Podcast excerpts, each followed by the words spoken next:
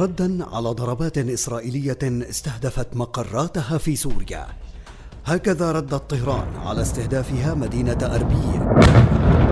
باثني عشر صاروخا باليستيا طالت فيها مبنى القنصلية الأمريكية ومطار أربيل الدولي. ولكن لماذا كان الرد في أربيل؟ ولماذا صرحت علانية عن تبنيها للهجوم؟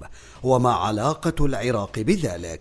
رسائل كثيرة أرادت إيران إيصالها، واحدة للعراق، وأخرى للمجتمع الدولي، وثالثة لمحيطها الإقليمي. موعد الضربة التي نفذتها إيران تتزامن مع متغيرات سياسية يشهدها العراق لتشكيل حكومة جديدة بعيدا عن إيران، التي فشلت في تفكيك التحالف الثلاثي بين مقتدى الصدر زعيم أكبر كتلة برلمانية والذي رفض دمج الجناح السياسي للقوات المدعومة إيرانيا في تحالف تشكيل الحكومة العراقية الجديدة.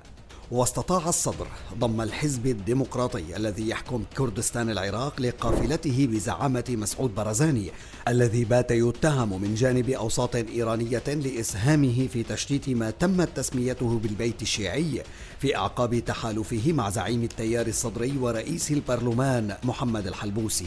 وكانت إيران قبيل توجيهها الضرب بأيام. قد أعلنت من قبل المرشد الأعلى علي خامنئي أن بلاده لن تتخلى عن وجودها الإقليمي في إشارة إلى تمسكها بالدعم المستمر للقوات المسلحة التابعة لها في كافة الدول وأن وجودها الإقليمي مسألة لا يمكن المساس بها والمساومة عليها في المفاوضات الجارية بشأن الاتفاق النووي في رسالة مبطنة للمجتمع الدولي على رأسه الولايات المتحدة الأمريكية التي تدعم حكومة الأغلبية الوطنية التي ينادي بها مقتدى الصدر لكن ما الهدف من توتير العلاقة مع واشنطن في وقت تقترب فيه الأطراف من التوصل لاتفاق؟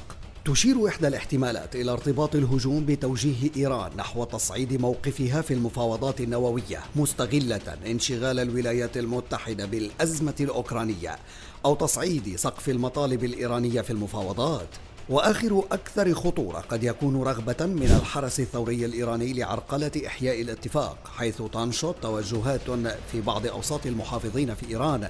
تعتبر أن الاتفاق النووي ضار بمصالح إيران منذ بدايته وأن ما تسميه باقتصاد المقاومة أفضل لإيران وأكثر أمانا من تعرضها لتقلبات السياسات الغربية. وفي عالم يعيد اصطفافه اليوم دوليا واقليميا. لا يمكن المرور لهذه الإشارات التي ترسلها الدول دون قراءة الرسائل التي تتضمنها السطور.